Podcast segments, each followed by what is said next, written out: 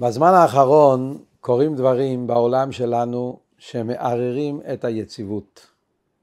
הטבע האנושי הוא בן אדם אוהב להיות יציב, בטוח, לדעת שהוא קם בבוקר, יודע מה הולך להיות, לאיפה הוא הולך, מה קורה, מה הכיוון, הולך לישון בלילה, הוא יודע מה יהיה יום המחרת. אנשים אוהבים יציבות, תלם, חיים ברורים, חיים של ביטחון, קרקע יציבה, כיוון יציב. כל זה התבלבל לנו לגמרי בתקופה האחרונה. ואני מתכוון תקופה האחרונה, אני מדבר תקופה ארוכה כבר. העולם כבר כמה שנים נמצא באיזשהו תהליך שכולנו מרגישים אותה. איזה תהליך לא נורמלי. יש איזו סערה, יש איזשהו בלגן, יש איזשהו חוסר איזון, יש איזשהו חוסר יישוב הדעת, חוסר מנוחה. פה יש מצב של קורונה, מה שקרה לפני כמה שנים שבלבל את כל העולם והכניס אותו לאיזשהו מצב מאוד מאוד שלא היינו רגילים אליה. מקום מצד שני מלחמות בכל העולם, כל מיני מצבים של חוסר ביטחון, חוסר מנוחה, אנטישמיות בעולם גוברת, חוסר מנהיגות בכל מקום בעולם, אין קול בריא, אין קול ברור, אין כיוון ברור, אין מנהיגות ברורה. וכמובן כשאנחנו מגיעים לדבר על ארץ ישראל, אז הדברים האלה, בפרט בתקופה האחרונה, הולכים ומחריפים. איפה אנחנו הולכים? לאיפה המדינה שלנו הולכת? לאיפה, איזה כיוון אנחנו הולכים פה? מה קורה כמובן עכשיו בתקופה האחרונה עם המלחמה? יש הרבה רגשות, אצל כל אחד מאיתנו יש איזה רגשות קיצוניות. יום אחד אנחנו בתקווה, בביטחון, יום אחד אנחנו נופלים, רגע אחד אנחנו חושבים על הניסים והנפלאות שקורים פה, רגע אחד אנחנו חושבים על החושך ועל הקושי של האנשים שסובלים. אנחנו כל רגע וכל שנייה המחשבות שלנו הולכים מן הקצה אל הקצה. והדבר שזה מביא בדרך כלל זה חוסר יציבות, חוסר מנוחת הנפש. דבר שזה מאוד קשה על החיי היום יום. איך אני יכול בתוך כל הבלגן הזה, מוקף עם כל החושך הזה, עם כל הבלבול הזה, להיות יציב, להיות חזק, להיות מחובר. מהי העצה לזה? יש מילה אחת שעל זה אנחנו נדבר היום, וזה הנושא של ספר התניא. אנחנו נדבר היום על ספר התניא בגלל שאנחנו נמצאים עכשיו בימים גדולים. מגיע היום י"ט כסלו, שזה ראש השנה לחסידות.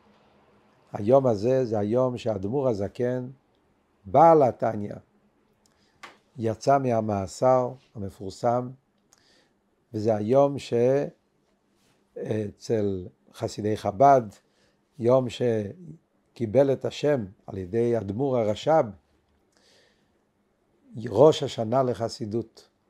ביום הזה גם כן זה היום שבו התניא נתפס. ידוע בהיסטוריה של חסידי חב"ד שיש קשר מאוד עמוק בין הגאולה של אדמו"ר הזקן ביום י"ט כסלו עם ספר התניא. מאוד מעניין. ספר התניא נתפס שנתיים לפני שאדמו"ר הזקן היה במאסר. ספר התניא נתפס בשנת תקנ"ז. האדמו"ר הזקן, כשהוא שלח את השליחים שלו להדפיס את התניא, אז הוא ביקש מהם בקשה מאוד מאוד נפשית, אה, הוא שלח אותם בחודש אלול לעיירה סלוויטה, שם היה דפוס מפורסם, והוא ביקש מהם שיתעסקו ויעשו כל מה שהם יכולים, כל המאמצים, שספר התניא יהיה מוכן ויצא מהדפוס ביום י"ט בכסלו. למה יום י"ט בכסלו? כי זה היה היום של היורצייט, ההילולה של מורו ורבו, הרב המגיד ממזריץ' המפורסם. למעשה, כידוע, שהתניא לא היה מוכן בי"ט כסלו, זה היה מוכן רק בכ' כסלו, יום אחרי זה. ידוע גם כשחסידים חזרו מה, עם התניא לאדמו"ר הזקן וסיפרו לו שהתניא יצא מהדפוס ביום כ' בכסלו, האדמו"ר הזקן נכנס לאיזה דבקות למשך זמן ארוך, ואז הוא אמר בהנחה, כ' כסלו, כ' כסלו, כ' כסלו, נו, אז זה יהיה כ' כסלו.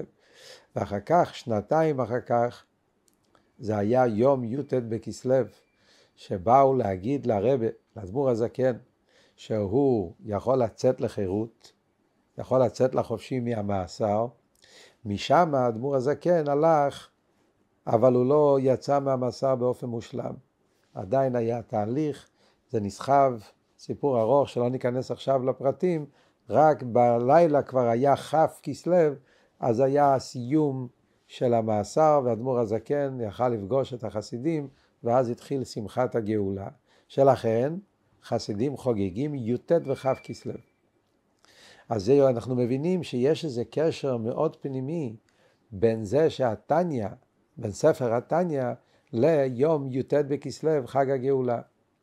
גם ידוע אצל חסידים, אשר רבותינו, נשיאינו, אדמו"רי חב"ד, אמרו לנו כבר את זה בעבר, בשם אדמו"ר הזקן, שההשגחה פרטית, שהמאסר היה חמישים ושלוש ימים. המספר הזה של חמישים ושלוש זה מספר מאוד מדויק. האדמו"ר הזקן ישב במאסר המסוכן והקשה הזה בדיוק חמישים ושלוש ימים.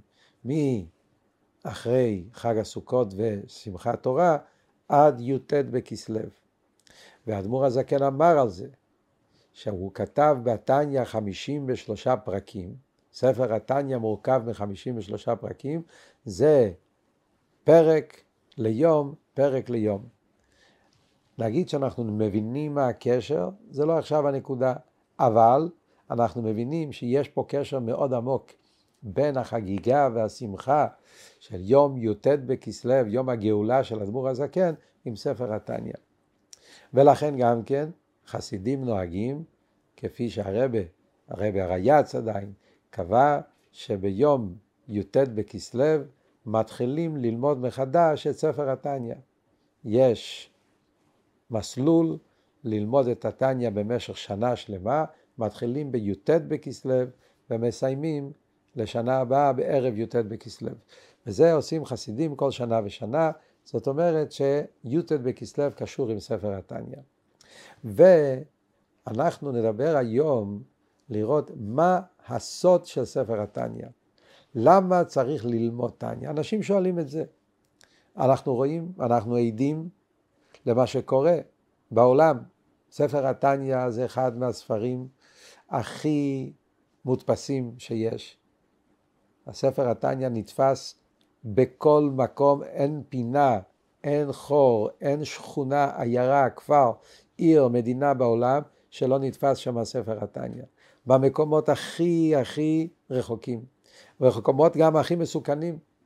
אנחנו יודעים שבימים האחרונים הדפיסו את ספר התניא בעזה, אבל לפני זה, במלחמת לבנון, נכנסו למקומות הכי עמוקים והדפיסו את התניא. אבל בכלל ספר התניא זה ספר שנלמד, יש המון שיעורים, אנשים לומדים את זה, צמאים לדעת מה כתוב שם.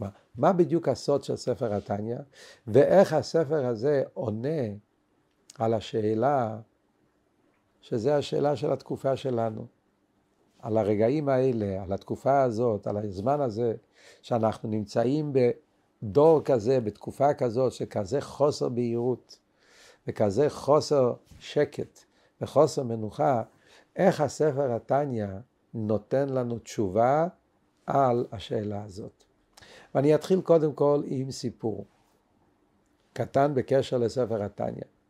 הסיפור הזה, חסידים מספרים, כשהאדמו"ר הזקן שלח את השליחים שלו להדפיס את התניא, הוא ביקש מהם שהם יעברו דרך העיירה הניפולי. העיירה הניפולי, עיירה שבה נמצא הציון, האוהל של רבו של אדמו"ר הזקן, הרב המגיד ממזריץ'. באותה עיירה חיו שניים מתלמידיו של המגיד ממזריץ', חברים של אדמו"ר הזקן. אחד היה הצדיק המפורסם רבי זושא מהניפולי, והשני היה הצדיק המפורסם רבי יהודה לייב הכהן. היו שני תלמידים שהם חיו בעיירה הניפולי, איפה שהיה קבור המגיד ממזריץ'. האדמו"ר הזקן רצה לקבל הסכמה משני התלמידים האלה. אחרים אומרים שזה בגלל שהם חיו באותו מקום, בסמיכות מקום לציונו הקדוש של מורו ורבו, אז מהם הוא רצה לבקש הסכמה. ולכן, בספר התניא, אם אתם פותחים, אפשר לראות את זה בדפים הראשונים, יש את ההסכמה של שני הצדיקים האלה. מספר אדמו"ר הרייץ, משהו נפלא, שהיה ביטוי אחד שאמר רבי זושה מהניפולי, וביטוי אחר שאמר רבי יהודה לייב הכהן בקשר לספר התניא. רבי יהודה לייב הכהן אמר, כשהוא הסתכל על התניא, והוא קרא את זה, והוא יצא מהכלים מהתלהבות, מהחוכמה ומהעומק ומהפנימיות, כל הקדושה, המסרים של ספר התניא, אז הוא התבטא ואמר שהספר התניא זה ספר של קטורת נגד המגיפות שיהיו בסוף ימי הגלות בעקבתא דמשיחא. המושג של קטורת מובא בזוהר כן, בתור סגולה למגיפות. אנחנו יודעים בתורה כבר שהקטורת ריפא מהמגיפה בזמן קורח, בפרשת קורח. בזוהר כתוב שלקרוא פרשת הקטורת זה סגולה נגד מגיפה. אז הנושא של קטורת, הוא התבטא שהתניא זה סוג של קטורת, סוג של תרופה רוחנית, פלאית, שמרפא את בני האדם במגיפות הרוחניות הקשות שיהיו בסוף ימות הגלות בעקבתא דמשיחא. זה אמר רבי יהודה לב הכהן. רבי זושה מהניפולי, הוא אמר שהספר התניא הוא ספר, הוא הספר שאיתו אנחנו נלך לקבל את פני משיח צדקנו. פדותנו. זה הספר שעם זה אנחנו ניפדה ואנחנו נצא מהגלות לגאולה השלמה, לקראת משיח צדקנו. אז מעניין, כל אחד ביטא איזשהו רגש, איזשהו משהו עמוק, פנימי, בקשר לספר התניא. ואם אנחנו חושבים על זה, מאוד מעניין. אחד הצדיקים דיבר על הכוח של ספר התניא בתור כוח עזר למגפות הקשות של סוף ימי הגלות. והצדיק השני ביטא בספר התניא בתור ספר שפותח לנו את השער, מביא אותנו לתוך האווירה, מכין אותנו לגאולה. שתי ההסברים האלה מתקשרים גם כן עם שתי הסברים כלליים שאנחנו יודעים שכתוב בספרים בקשר לבכלל תורת החסידות. הרי יש את השאלה המפורסמת, שאם תורת החסידות היא תורה אמיתית, למה באמת היא לא הייתה קודם? למה תורת החסידות התגלתה רק לפני בערך 250 שנה? מה קרה קודם? 300 שנה. מה קרה קודם? התורה כבר קיבלנו בסיני לפני שלושת אלפים ויותר משלוש מאות שנה. מה קרה שתורת החסידות התגלתה רק בשנים האחרונות? שאלה מפורסמת וידועה שיש על זה שתי תשובות, בדומה לשתי הביטויים של שתי הצדיקים על ספר התניא. בספרים מסוימים, במקומות מסוימים, תלמידי הבעל שם טוב מסבירים לנו שתורת החסידות התגלתה בדורות האחרונים כדי לתת את הכוח לעמוד נגד החושך של סוף הגלות. בגלל שאנחנו בסוף הגלות, החושך מתגבר, הרבה מרירות, הרבה קושי, הגלות נהייתה ארוכה ומפרכת. והייאוש מכרסם כל צד וכל פינה. אז דווקא בדורות האלה, כשהחושך יתגבר בצורה כל כך חזקה, אנחנו צריכים משהו יותר חזק. אנחנו צריכים, עם ישראל צריך משהו יותר חזק כדי להחזיק מעמד בחושך הזה. וזה מה שהבעל שם טוב זכה וגילה את תורת החסידות, שזה תורה שנותנת לנו אור, כוח, אומץ, תוקף, מרים את היהודי, מרומם אותו, נותן לו את הכוח לעמוד בניסיונות הקשים והמרים של סוף זמן הגלות. זה כתוב בכמה ספרים, בכמה הסברים. במקום אחר מתלמידי הבעל שם טוב אבל מובא הסבר אחר לגמרי. ההסבר הוא שמכיוון שאנחנו מתקרבים לימות המשיח, אנחנו נמצאים בערב שבת אחרי חצות. כידוע שיש ששת אלפי שנה כנגד ששת ימי בראשית, כמו שכתוב ברמב"ן ובעוד ספרים.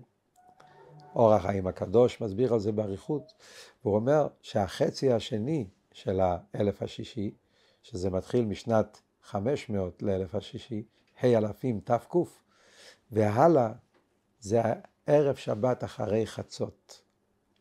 ומאז מתחילים ההכנות לשבת. בין ההכנות לשבת יש לטעום ממאכלי השבת. יש כבר את האווירה של שבת, כבר נכנסים לקדושה של שבת, כבר מקבלים חלק מהערת השבת מערב שבת אחרי חצות, כמובן בהלכה כמה וכמה פרטים בזה. ולכן, מכיוון שאנחנו נמצאים קרוב לתקופה הזאת, אז אנחנו כבר מרגישים את זה. ולכן אנחנו קיבלנו את האור של תורת החסידות, תורת הבעל שם טוב, שזה בעצם טעימה מתורתו של משיח. אז מעניין ששתי ההסברים האלה נאמרו על ידי הצדיקים הגדולים האלה בקשר לספר התניא. אז אם אנחנו באמת ניקח את ספר התניא, אנחנו נראה שיש פה הבשורה, הבשורה הענקית, הבשורה הנפלאה שיש בספר התניא, זה שתי הפרטים האלה.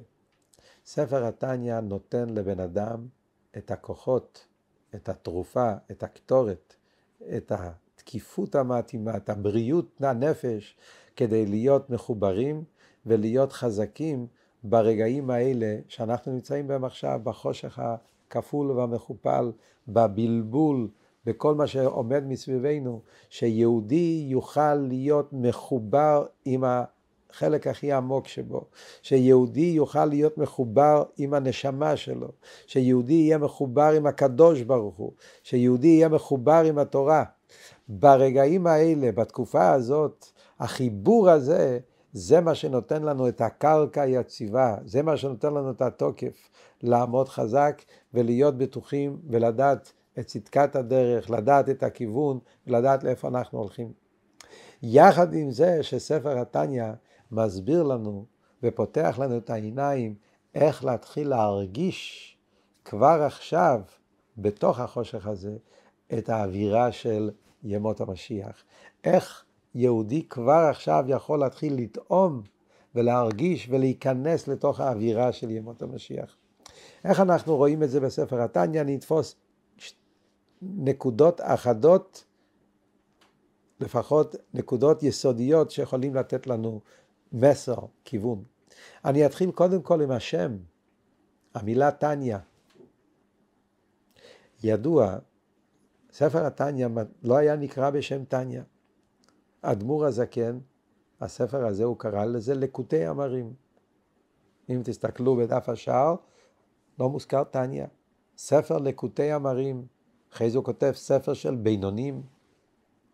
אדמו"ר הזקן קרא לספר הזה כי זה ספר של בינונים.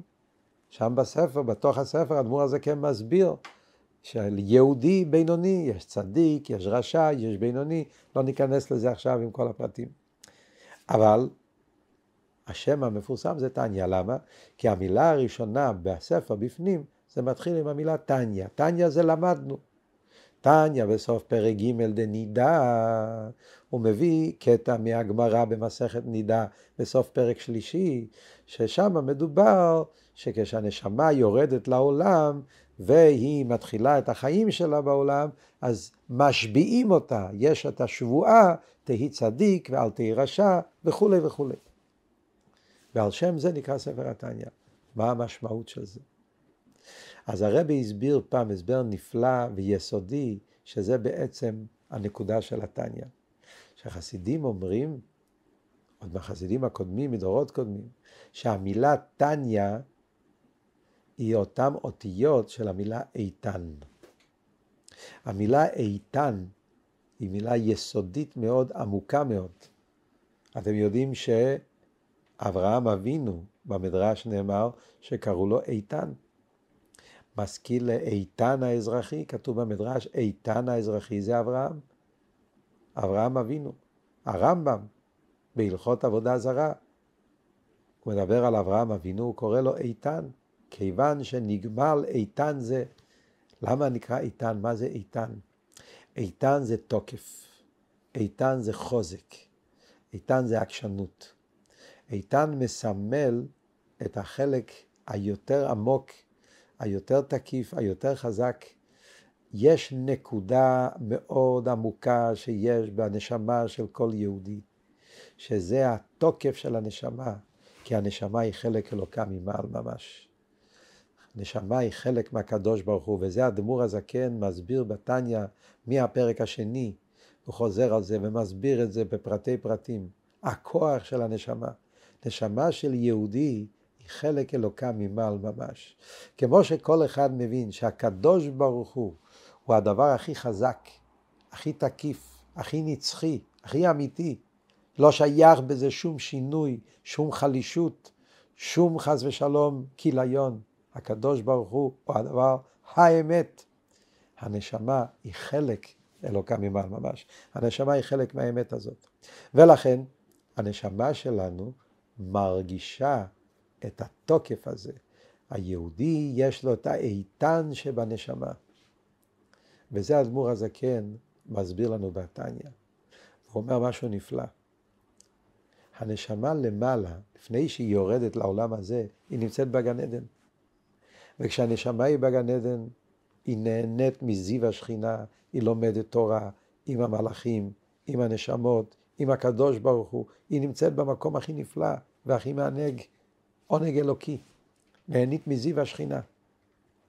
אבל שמה הנשמה אין לה צורך לגלות את האיתן, כי אין לה ניסיונות, אין לה קשיים, אין לה דברים שמפריעים, אין מניות ועיכובים. הנשמה נמצאת שמה במקום הכי חופשי והכי מתוק והכי נפלא. דווקא כשהנשמה יורדת פה לעולם הזה הגשמי, והיא צריכה להתלבש בגוף, בנפש בהמית, בגוף גשמי וחומרי, מסובבת עם כל הניסיונות, עם כל החושך, עם כל הקליפה שאדמו"ר הזקן מדבר עליה, טומאה, סדרה אחרה. ודווקא פה משביעים, זה מה שהוא מביא בהתחלת התניא, שבועה. הנשמה יש לה שבועה, שבועה זה מסמל על כוח. שבועה זה כשבן אדם נשבע, כלומר הוא אומר, אני הולך להכניס את הכוחות הכי עמוקים שלי. הנשמה מקבלת כוחות עמוקים מהמקום הכי עמוק והכי עצמי והכי פנימי, שזה מה שנקרא איתן. האיתן הזה זה התוקף הכי עמוק, מהמקום הכי עמוק של הקדוש ברוך הוא, שהקדוש ברוך הוא כביכול נותן לנשמה את העצמיות שלו, את התקיפות האמיתית, הבלתי נשברת, הבלתי נחלשת. זה עצמו, הנשמה נותנת, הנשמה מקבלת. וזה נותן לנשמה את הכוח לא להתפעל, לא להתרגש, להיות מחוברים בצורה הכי עמוקה עם הקדוש ברוך הוא. ולעמוד בתוקף, במסירות נפש, באמונה טהורה, מול כל הקשיים וכל המניות והעיכובים וכל הבלבולים שיכולים להיווצר מבפנים ומבחוץ. וזה מה שהאדמו"ר הזה כן מלמד אותנו בפרקי התניא, כוח האמונה שיש ליהודי, ששום דבר בעולם לא יכול להחליש אותה. בן אדם, גם אם הוא לא התלמיד חכם הכי גדול, גם אם הוא לא למד הרבה, אבל יש לכל יהודי אמונה טהורה, פשוטה, אמיתית וכנה, ששום דבר בעולם לא יזיז אותה. כוח המסירות נפש. ברגעים הנכונים, ברגעים הכי קשים, ברגעים שמעמידים אותנו בניסיון מול האמונה, באחדות של הקדוש ברוך הוא, מתעורר אצל כל יהודי הכי פשוט, הכי אמר אדמו"ר הזקן אומר, אפילו רשע, אפילו קל שבקלים, אפילו עם הארץ, בן אדם שהוא לא שייך לכל העניינים של תורה ומצוות, ברגע שנוגעים לו בנקודת האמונה, נוגעים לו בנקודת הנשמה, פתאום מתפרץ אצל היהודי תוקף האמונה בצורה הכי חזקה. שום דבר לא יזיז אותו. הוא ילך עד מסירות נפש בפועל ממש כדי לקדש שם שמיים. זה מציאות שראינו בהיסטוריה של עם ישראל בכל הדורות, ואנחנו רואים את זה בימים האחרונים בצורה מופלאה. חשבנו שבמשך השנים משהו התעמם, משהו נחלש, והנה אנחנו רואים בימים האחרונים איזה תוקף, איזה חוזק, משהו לא נורמלי. ספר התניא הוא ספר של לימוד. וזו נקודה מאוד חשובה. יש הרבה אנשים שחושבים, חסידות, מה זה חסידות? מילה טובה, איזשהו חגיגה, ריקוד, סיפור יפה, סיפורי צדיקים, סיפורים של מופתים, ריקודים, ניגונים, אהבה, זה הכל נכון. כל זה נכנס לתוך החסידות. אבל יש משהו הרבה יותר עמוק. יש פה לימוד, יש פה השקפת עולם, יש פה תפיסת עולם. ספר התניא, בכל פרק משנה לנו את תפיסת העולם בצורה לגמרי ממה שלא חשבנו. יש משהו נפלא, אם אנחנו נתחיל ללמוד את התניא בצורה רצינית, אנחנו נשים לב שספר התניא הופך לנו את הקונספציה. כולם מדברים היום על קונספציה. יש קונספט, תפיסת עולם, יש תפיסה של מצב, יש מחשב, בן אדם מתרגל אל כל מיני צורות חשיבה בכל דבר. מה זה יהודי? מהי התורה? מה זה המצווה? בשביל מה? בשביל מה אנחנו חיים? איך אנחנו נלחמים עם יצר הרע שלנו? איך אנחנו יכולים להיות בשמחה? מהי השמחה האמיתית? איך אנחנו יכולים לעבוד את הקדוש ברוך הוא?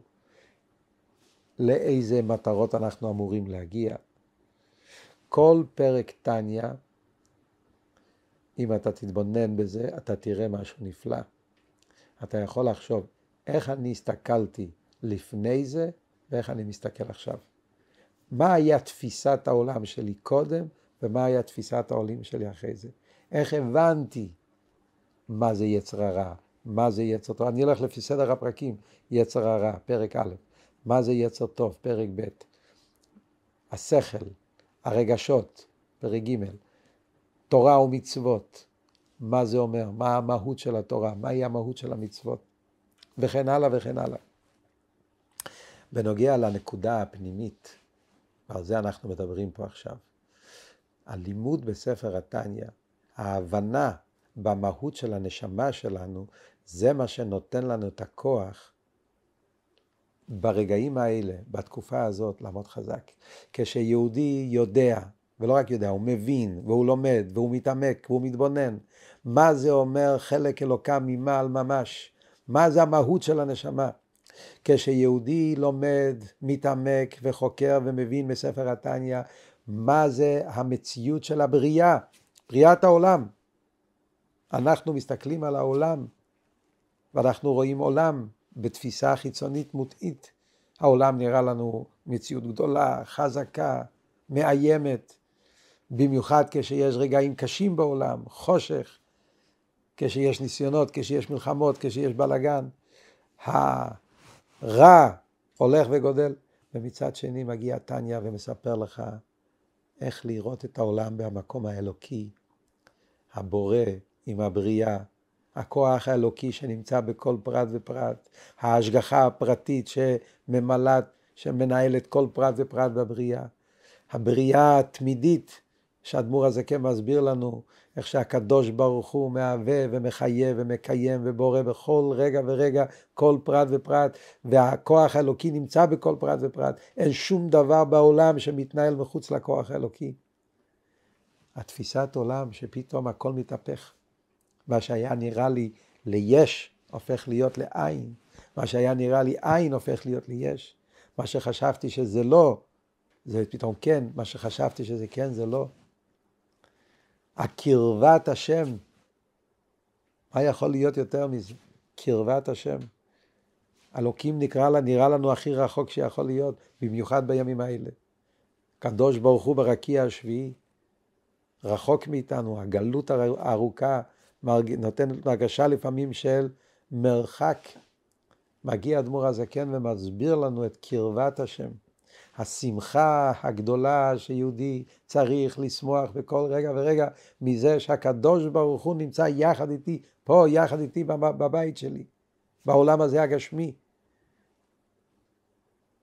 והתאווה הכי עמוקה של הקדוש ברוך הוא, שהוא בחר דווקא בעולם הזה התחתון הגשמי, שפה הוא רוצה להיות, פה הוא רוצה לגור, פה הוא רוצה להיות איתנו, וזה התהליך שאנחנו הולכים לקראת ימות המשיח. ולכן, כל אחד מאיתנו בימים האלה, זה הזמן הנכון לקחת החלטה להתחיל ללמוד את התניא, אבל באופן של לימוד, לימוד מעמיק, להתחיל להבין פרק אחרי פרק, קטע אחרי קטע. היום ברוך השם יש הרבה ספרים עם הסברים וביורים שנותנים לנו להבין את העומק של המילים של התניא. יש היום שיעורים שאפשר לשמוע גם כן, הסברים שצריך להבין את זה יותר ואיך להוריד את זה לעולם שלנו יותר. אבל בספר התניא אנחנו נמצא באמת את המקום ששם אנחנו נקבל את האיתן, את התקיפות, את הנחישות, את החוזק שאנחנו צריכים בימים האלה. ייתן לנו את הבהירות כדי להבין את עומק התקופה הזאת, להבין מה קורה, לאיפה אנחנו הולכים, להבין את התהליך שכל הפעולות שלנו, איך כולם מביאים לאור הגדול של ימות המשיח, איך על ידי כל מעשה, כל דיבור, כל מחשבה, כל פעולה טובה שאנחנו עושים בימים האלה, איזה כוח יש לזה, איזה השפעה יש לזה. וכמו שאדמו"ר הזקן אומר באחד המקומות בתניא, איך שכל פעם ופעם שיהודי כופה את היצר הרע שלו והוא עושה איזושהי פעולה אחת ויחידה לשלוט על המחשבה שלו, לשלוט על הדיבור שלו, לשלוט על המעשים שלו, על ידי כל פעולה כזאת, איזה נחת רוח אנחנו גורמים למעלה, ואיך שבכוח הזה אנחנו שוברים את הכוח של הטומאה והקליפה והסטרה החרה בעולם, כמה אור זה מביא בעולמות העליונים, בעולם התחתון ובכל העולם הזה הגשמי, איך שהעולם על ידי כל מעשה שלנו הולך כל פעם ויותר ויותר ומתקרב לתהליך של ההתגלות של משיח צדקנו לאור הגדול של הגאולה. ולכן בימים האלה שנמצאים עכשיו, כשמגיע יום ראש השנה לחסידות, י"ט כסלו, אנחנו מחפשים כל אחד ואחד מאיתנו היום איך להיות חזקים, איך להתגבר ואיך להיות מחוברים, זוהי העצה ששייך לכל אחד ואחד. נתחיל ללמוד את ספר התניא, ללמוד אותו לעומק, להבין אותו ולהפנים אותו, ולהתחיל לחיות בחיי היום-יום לפי ההוראות, המסרים והלקחים שספר התניא נותן לנו. ויהי רצון באמת שיקוים מה שאמר הצדיק רבי זושה מניפולי, שספר התניא, איתו אנחנו נצא לקראת משיח צדקנו ולקבל את פניו במהרה בימינו, אמן.